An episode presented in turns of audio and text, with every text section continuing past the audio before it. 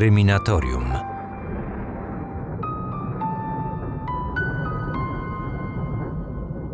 Pierwsze doniesienia prasowe nie różniły się niczym szczególnym od innych tego typu informacji na temat śmierci turystów w Tatrach, jakich i wcześniej, i później nie brakowało w polskich dziennikach.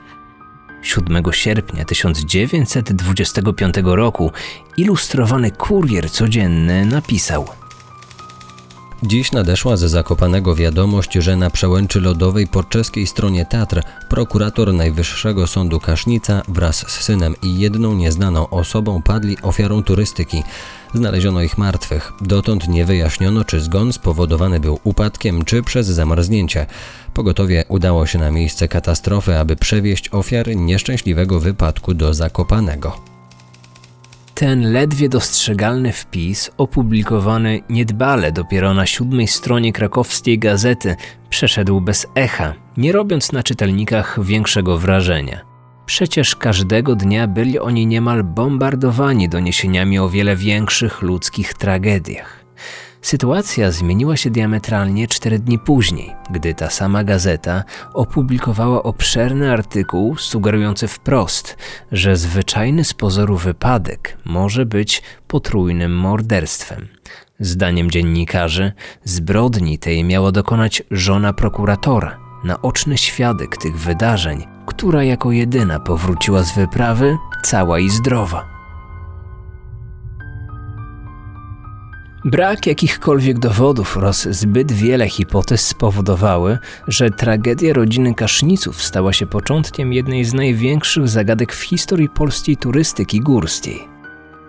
I choć od tego czasu minęło już niemal 100 lat, tragedia ta wciąż pobudza ludzką wyobraźnię, zmuszając do zadania najważniejszego pytania: co tak naprawdę wydarzyło się na tatrzańskiej lodowej przełęczy? A może prawda już dawno została odkryta? Dzień dobry, z tej strony Marcin Myszka i witam Was w podcaście Kryminatorium. Dziś opowiemy o sprawie z Polski, a takie historie wzbudzają przecież najwięcej emocji. Przypominam, że nowe odcinki Kryminatorium pojawiają się w każdy poniedziałek w aplikacjach podcastowych, takich jak Spotify lub Google Podcasts. Jeżeli macie iPhone'a, powinniście znaleźć na nim również fabrycznie wgraną aplikację Podcasty i tam również znajdziecie Kryminatorium. Odcinki są także na YouTube, ale tam trafiają one z opóźnieniem, dlatego zachęcam do korzystania z aplikacji podcastowych.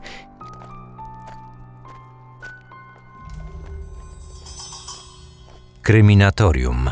Otwieramy akta tajemnic. Latem 25 roku swój urlop w Tatrach spędzał warszawski prokurator, 46-letni Kazimierz Kasznica wraz z rodziną, 38-letnią żoną Walerią oraz 12-letnim synem Wacławem. Wspólnie wędrowali po górach, ciesząc się pięknem przyrody. Jak każdy urlop, również i ten musiał się kiedyś skończyć.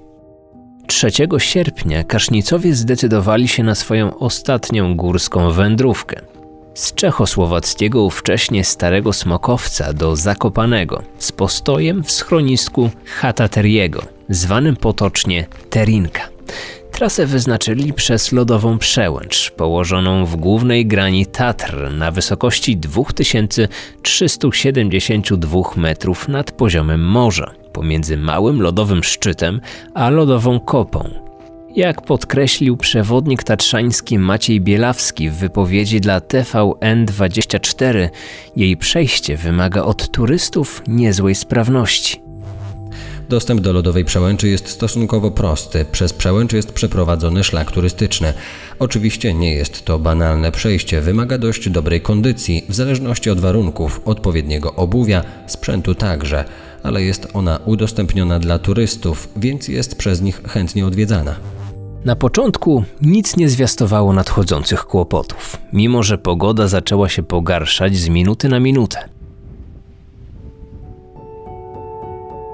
Było pochmurnie i coraz silniej wiało. Zaczął też padać deszcz. Około godziny 11 rodzina dotarła do schroniska. półgodzinny odpoczynek i ciepła herbata. To wszystko miało zapewnić kasznicom siłę do kontynuowania wędrówki. Tak przynajmniej myślała Waleria. Nastawienie Kazimierza już tak optymistyczne nie było. On był najbardziej zmęczony. Przy sąsiednim stoliku siedziało czterech studentów. Z podsłuchanej rozmowy prokurator szybko wywnioskował, że zamierzają dotrzeć do Zakopanego tą samą drogą co Kasznicowie. Jednym z tej czwórki był 23-letni Jan Szczepański, późniejszy zdobywca wielu dróg tatrzańskich i alpejskich. Pozostali to jego 17-letni brat, świetny wspinacz Alfred Szczepański oraz najbardziej doświadczony w grupie 22-letni Stanisław Zaręba. Ostatni 21-letni Ryszard Wasserberger miał z całej czwórki najkrótszą praktykę górską.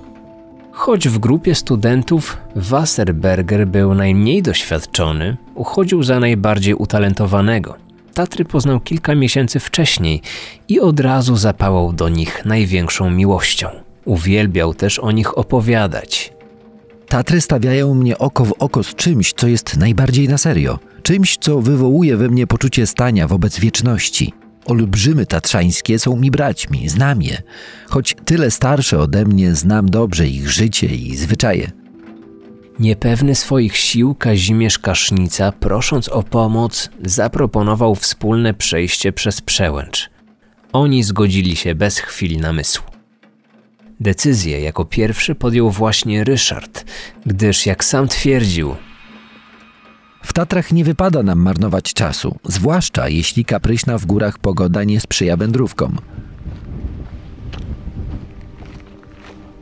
Kilka minut później dwie połączone ze sobą grupy opuściły schronisko, udając się w dalszą drogę.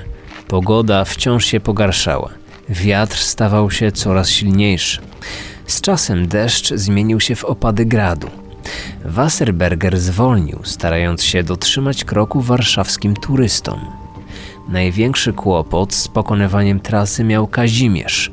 Deszcz zalewał mu okulary, bez których jako krótkowic nie mógł iść, bo niewiele widział. Co chwilę wszyscy musieli się zatrzymywać i na niego czekać. Takie zachowanie na szlaku bardzo zdenerwowało zarówno braci Szczepańskich, jak i Zarębę, którzy chcieli jak najszybciej dotrzeć do Zakopanego. Po dojściu do lodowego stawu, u stóp lodowej przełęczy, cierpliwość trójki studentów skończyła się. Przywołali do siebie Wasserbergera i oświadczyli mu, że dalsza wyprawa w takim składzie jest bezsensowna. Do eskortowania niedoświadczonych turystów, by nie zabłądzili, wystarczył im przecież tylko jeden z nich. Zaręba zaproponował więc losowanie, które wskazałoby osobę odpowiedzialną za bezpieczeństwo kaszniców. Wasserberger taki pomysł jednak stanowczo odrzucił. Zgadzam się z wami, przyjaciele, i rozumiem waszą niecierpliwość.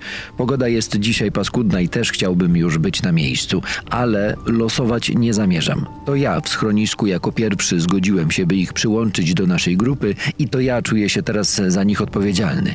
Idźcie zatem przodem sami. Ja zostanę i pomogę dojść kasznicom. Jeśli zdążymy, spotkamy się z wami w Zakopanem przed nocą. Jeśli nie, zanocujemy na Łysej Polanie. Szczepańscy i Zaręba natychmiast ruszyli przed siebie, szybko pozostawiając za sobą niedawnych współtowarzyszy. Wczesnym wieczorem byli już na miejscu. Spodziewali się, że lada moment dołączy do nich Ryszard. Tymczasem Wasserberger doszedł z kasznicami na lodową przełęcz około godziny 15.30. Niemal dwie godziny po studentach. A niech to idziemy zbyt wolno. Słuchajcie, musimy przyspieszyć. Pogoda robi się coraz gorsza i mamy coraz mniej czasu. Gdy osiągnęli przełęcz, w ich twarze uderzył potężny wicher o huraganowym nasileniu. Prowadzący rodzinę taternik nawoływał wszystkich do pośpiechu. Schodząc z przełęczy w kierunku Doliny Jaworowej, mieli nadzieję, że wiatr osłabnie. Tak się jednak nie stało. Mimo to grupa kontynuowała wędrówkę. Już nie tylko Kazimierz miał problemy z poruszaniem się. Podobne kłopoty zaczął mieć także jego syn. Siły tracił również Wasserberger. Według dziennikarza Macieja Kwaśniewskiego z Tygodnika Powszechnego ostatni akt dramatu rozpoczął się pomiędzy godziną 16 a 17. W okolicach żabiego stawu jaworowego pierwszy słabnie dwunastoletni Wacław. Skarży się, że nie może już iść dalej. Matka bierze jego turystyczny worek z rzeczami, a Wasserberger zaczyna go prowadzić. Chwilę później słabnie również Kazimierz. Wymuszając postój, siada na kamieniu i oznajmia wszystkim, że dalej nie idzie. Nie ma już sił. Zrozpaczona Waleria, nie wiedząc jak pomóc zarówno swojemu mężowi, jak i synowi, podeszła do odpoczywającego kilka metrów dalej przewodnika. Panie Ryszardzie, mój mąż i syn nie dadzą już rady. Nie mogą oddychać. Nie wiem, co mam robić. Proszę im pomóc, szybko, błagam pana. Mnie też jest bardzo niedobrze, proszę pani. Z całego serca bym pani pomógł, ale ja sam nie mam już siły. Przepraszam. Żona prokuratora natychmiast zdała sobie sprawę, że na żadną pomoc liczyć już nie może.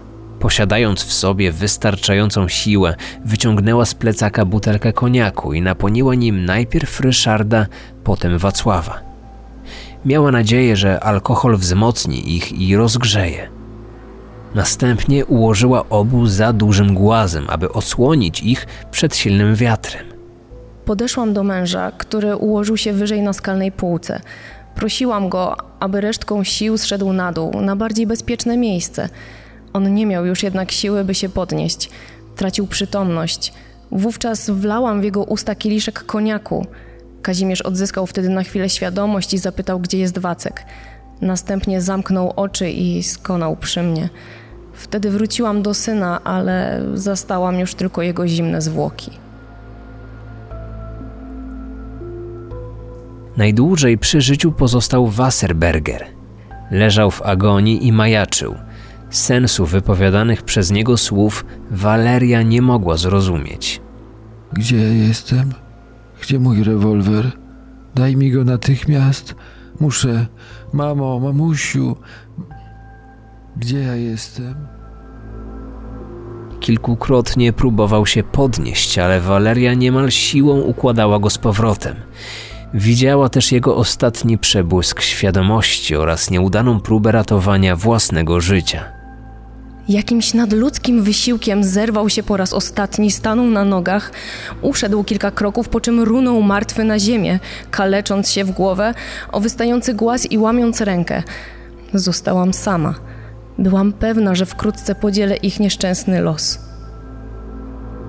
Widząc, że nie ma już tam kogo ratować, pani Kasznicowa siadła przy zwłokach zupełnie bezwładna. Ku swojemu zdumieniu kobieta czuła się dobrze. Poza ogólnym zmęczeniem nie miała kłopotów z oddychaniem. Nie traciła też świadomości. Pomimo dobrego stanu zdrowia, nie zdecydowała się jednak na dalszą drogę. Pozostała przy zwłokach nie tylko do rana, ale również przez następny dzień i kolejną noc. Tkwiła na pustym szlaku przez 37 godzin, bezskutecznie czekając na ratunek. Niestety, żaden turysta nie pojawił się w tym czasie na szlaku. Jak podkreślił przewodnik tatrzański Maciej Bielawski, Pani Kasznicowa prawie dwie doby spędziła przy zwłokach, czekając na pomoc. To był rok 1925, więc ruch w Tatrach był zupełnie inny niż obecnie. Po tych dwóch dobach zeszła Doliną Jaworową w dół, dotarła do Łysej Polany. Tam spotkała naczelnika Topru, Mariusza Zaruskiego, który zorganizował wyprawę po zwłoki. Ratownicy dotarli do martwej trójki wieczorem 5 sierpnia. Następnego dnia ciała dwóch mężczyzn i dziecka zostały przetransportowane do Zakopanego. Wykonano też sekcję zwłok, która stwierdzała, że ich śmierć nastąpiła wskutek udaru płucnego. Z raportem tym zgodzili się ówcześni śledczy, którzy wysunęli hipotezę powstania próżni powietrznej spowodowanej silnym wiatrem. Być może zdarzyło się tak, że zostali ogłuszeni huraganowym wiatrem. Jeśli wiał im w twarz, to trudno się oddychało. Odwrócili się więc do tego wiatru, aby wiał im w plecy i w tył głowy i ciśnienie mogło spowodować, że przed ich twarzami z przodu wytwarzała się próżnia. Oficjalna wersja przyjęta przez śledczych zdawała się nie pozostawiać żadnych wątpliwości. Do śmierci turystów miało dojść z powodu niedotlenienia, spowodowanego przemęczeniem i trudnymi warunkami atmosferycznymi. W pierwszych relacjach prasowych pojawiała się również informacja o rozdzieleniu się grupy na szlaku, krótko przed tragedią. Bracia Szczepańscy i Stanisław Zaręba po powrocie do Zakopanego nie zgłosili tego faktu nawet wtedy, gdy okazało się, że Ryszard Wasserberger nie dotarł w umówione miejsce. Szybko znaleźli się w ogniu krytyki. Pojawiły się zarzuty, że złamali oni zasady bezpieczeństwa w górach, zostawiając w trudnych warunkach pogodowych słabnących i niedoświadczonych kaszniców. Swoje oburzenie takim postępowaniem głośno wyraził naczelnik Topru. Wtedy na ratunek przybył ilustrowany kurier codzienny. Dziennik opublikował sensacyjny artykuł, który wywołał w Polsce prawdziwą burzę. Tłumaczenie nagłej śmierci trzech osób gwałtownym naporem huraganu i rozedmą płuc z powodu ciśnienia atmosferycznego jest absurdem. Kroniki nie tylko taternictwa, ale i alpinizmu nie znają wypadku, aby na szlaku zupełnie łatwym i bezpiecznym nastąpiła śmierć nie jednego, ale trojga zdrowych ludzi. Orzeczenie lekarza, że śmierć nastąpiła wskutek udaru płucnego jest skandalem, za który ów lekarz powinien zostać pociągnięty do odpowiedzialności. Niżej pojawił się bardzo szczegółowy przebieg tragedii na lodowej przełęczy. Autor podał również wątpliwość relację Walerii, sugerując jednocześnie, że to właśnie wdowa może być odpowiedzialna za śmierć swoich współtowarzyszy. Opisano ją jako kobietę 35-letnią o rysach pospolitych, zdrową i silną. Zarzucano jej zachowywanie zbyt wielkiego spokoju, jaki prezentowała tuż po uratowaniu się. Nie znać w niej śladu przebytych strasznych chwil. Jedynie na jej twarzy widnieje siniec pod okiem. Tłumaczyła ten siniec tym, że to Wasserberger uderzył ją upadając. Dziennikarz na tym nie poprzestał. Zacytował jej relacje z 37 godzin spędzonych w samotności przy zwłokach. Przypomniałam sobie, że Wasserberger ma koc, więc się nim okryłam.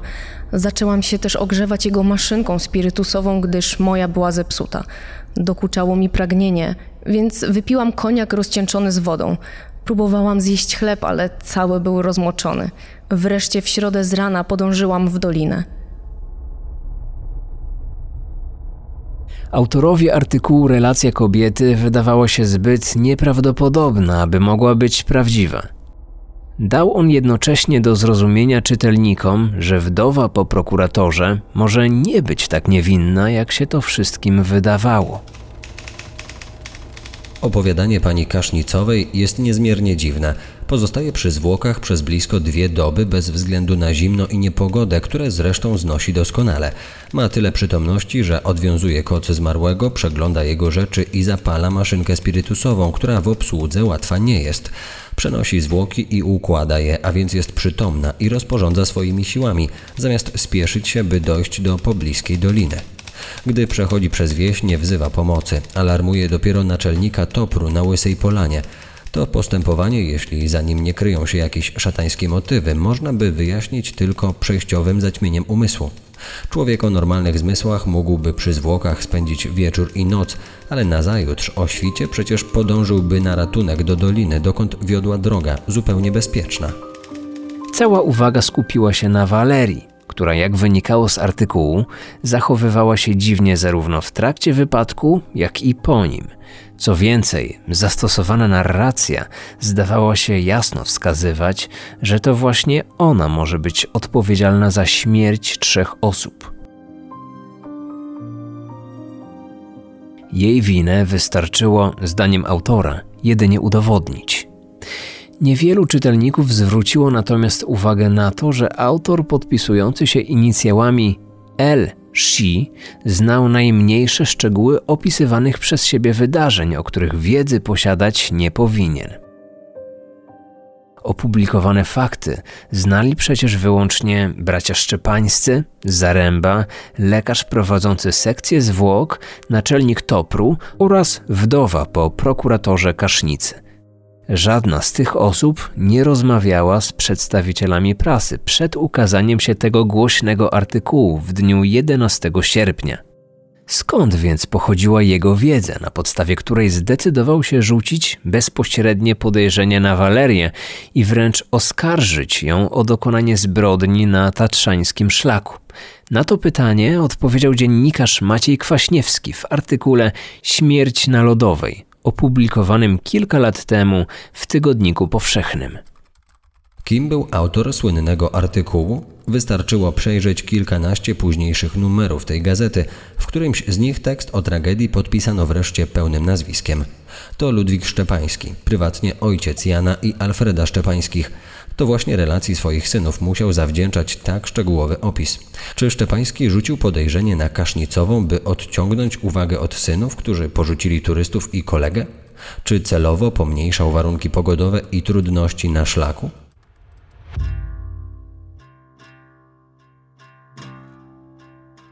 Broniąc swoich synów poprzez atak na zrozpaczoną wdowę, Szczepański rozpoczął trwającą niemal 100 lat spiralę oskarżeń i niedomówień. Jego artykuł, chętnie cytowany przez inne krajowe dzienniki, sprawił, że tragedią w Tatrach żyła cała Polska. Pojawiło się mnóstwo teorii, także tych spiskowych. Wszyscy czytelnicy mieli swoją własną hipotezę i każdy z nich uważał, że to właśnie on ma rację. Z czasem pojawiły się nieprawdziwe plotki mówiące, że Waleria planowała zamordowanie swojego męża i syna za pomocą zatrutego koniaku, a butelki po alkoholu nigdy nie odnaleziono. Wasserberger miał zginąć, gdyż na swoje nieszczęście został naocznym świadkiem tej zbrodni. Według innych pogłosek zatruty koniak podrzucili wędrowcom ukraińscy nacjonaliści, którzy mieli swoje własne rachunki do wyrównania z warszawskim prokuratorem. Usłyszeć można było również głosy, iż na kasznicach dokonano mordu czysto politycznego – Spekulacji, teorii i pytań bez odpowiedzi było tak wiele, że z czasem niektórzy zaczęli porównywać sprawę śmierci kaszniców na lodowej przełęczy do słynnej tragedii na przełęczy Diatłowa, która miała miejsce w Związku Radzieckim w roku 59, nazywając wprost wydarzenia w Tatrach jej polskim odpowiednikiem – Tymczasem prawdziwa przyczyna śmierci Kaszniców i Wasserbergera wydaje się być jak najbardziej przyziemna, żeby nie powiedzieć naturalna. Już pierwsze doniesienia prasowe dość jasno stwierdzały, że śmierć nastąpiła z powodu fatalnych warunków atmosferycznych. Po sekcji zwłok lekarze nie mieli wątpliwości. Zgony nie były następstwem działania osób trzecich. W ciałach nie odkryto obecności trucizny. Nie było też obrażeń zewnętrznych mogących sugerować, że na szlaku doszło do jakichkolwiek form przemocy. Co ciekawe, wyniki sekcji zwłok okazały się dla prasy zbyt mało sensacyjne, więc już wkrótce dziennikarze przestali się interesować tym tematem. Jeśli już coś pisano, to ograniczano się zwykle do skromnych wzmianek informujących, że przeprowadzone sekcje niczego istotnego nie wykazały. A szkoda, bo wnikliwe przeanalizowanie medycznych raportów mogło już w roku 1925 jednoznacznie wskazać przyczynę śmierci trzech osób na lodowej przełęczy. Dziennikarce Annie Winiarskiej udało się dotrzeć do wyników sekcji zwłok. Ryszard Wasserberger miał m.in. rozszerzony lewy przedsionek serca oraz niedokształt nadnerczy. Kazimierz Kasznica miał zwyrodnienie włókniste opon mózgowych, początkową miażdżycę i skąpe wzrosty opłucnowe. Jego serce, podobnie jak u Ryszarda, było powiększone z rozszerzonym lewym przedsionkiem. Dodatkowo stwierdziłem u zmarłego kamicę żółciową i wzrosty koło woreczka żółciowego. Również Wacław, dwunastoletni syn Kaszniców, nie był przed śmiercią okazem zdrowia. W jego płucach odkryto początki gruźlicy, o czym prawdopodobnie jego rodzice nawet nie wiedzieli. Chłopiec miał też powiększone migdały z czopami ropy i podobnie jak pozostałe ofiary, powiększone serce. 3 sierpnia 25 roku był zdaniem doktora przeprowadzającego sekcję najgorszym dniem na wędrówkę po górach. Tego samego dnia w Beskidach Zachodnich zmarło dwóch górali. U nich również stwierdzono podobne objawy choroby górskiej, objawiającej się wyczerpaniem mięśni, osłabieniem i zawrotami głowy. Tym objawom cielesnym towarzyszą stałe objawy psychiczne w postaci mniejszej lub większej obojętności na swój zagrożony los. Chorzy nie są w stanie zdobyć się na najmniejszy wysiłek woli, aby się ratować. Przeprowadzając sekcję zwłok Ryszarda Wasserbergera, doktor zasugerował, jaki mógł być prawdziwy powód tego, że młody taternik tak szybko zgodził się pozostać z warszawskimi turystami, a co za tym idzie, wędrować przez przełęcz wolniej niż jego koledzy.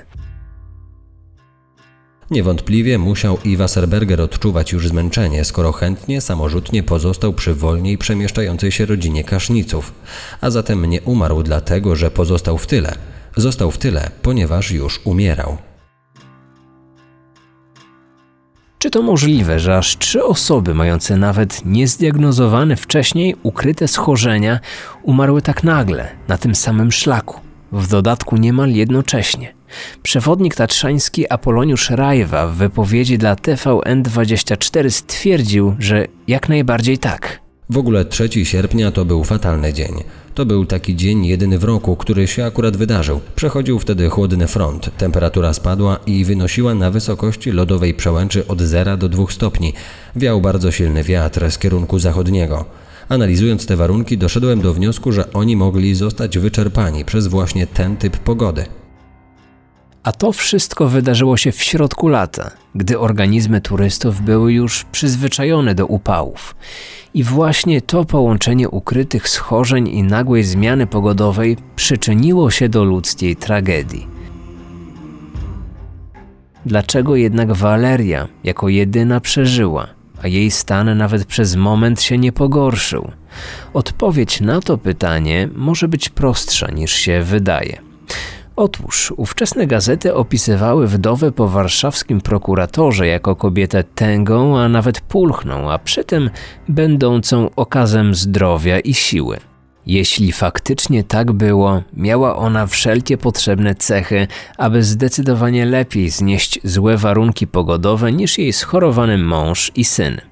Ciała Kazimierza Kasznicy i jego syna Wacława spoczęły obok siebie na cmentarzu w ich ukochanym Zakopanem. Waleria wróciła do Warszawy, ale nawet tam nie mogła uwolnić się od oskarżeń. Pomimo tego, że śledztwo zostało oficjalnie umorzone, a śmierć na przełęczy uznano za wypadek, wielu ludzi wciąż wierzyło, że to właśnie ona jest odpowiedzialna za zamordowanie na tatrzańskim szlaku swoich współtowarzyszy. Dziennikarz Maciej Kwaśniewski z Tygodnika Powszechnego dotarł do Eleonory Kasznicy, krewnej Walerii. Kobieta opowiedziała, jak wielki wpływ ta tragedia miała na jej ciotkę, którą członkowie rodziny nazywali Zofią. Wbrew temu, co pisała ówczesna prasa, Kazimierz i Zofia nie byli wytrawnymi turystami. Nie znali gór. Wcześniej nie mieli z nimi nic wspólnego. Po tym wypadku w Zofii wszystko zastygło. Nie wychodziła z domu. Cała rodzina starała się izolować ją od doniesień prasowych. Wkrótce zmarła. Zabiły ją smutki. Waleria zmarła dzień po siódmej rocznicy śmierci jej męża i syna, 4 sierpnia 1932 roku. Pochowana została na warszawskich Powązkach. Po jej śmierci rodzina odnalazła w jej łóżku kilkadziesiąt wycinków prasowych dotyczących wszystkiego, co było związane z tragicznym wypadkiem w górach. W zeszłym roku pisarka Katarzyna Zyskowska fabułę swojego kryminału Sprawa Hoffmanowej oparła na wydarzeniach z lodowej przełęczy. I choć stworzeni przez nią bohaterowie mocno odbiegają od swoich pierwowzorów, autorka nie ukrywa, że jej powieść jest swego rodzaju próbą rozwikłania tej górskiej zagadki. Ale czy sprawa kaszniców wciąż stanowi nierozwiązaną zagadkę? Czy wbrew temu, co sądzą zwolennicy tatrzańskich teorii spiskowych, jest jeszcze w tej historii coś, co nadal czeka na wyjaśnienie? Kryminatorium.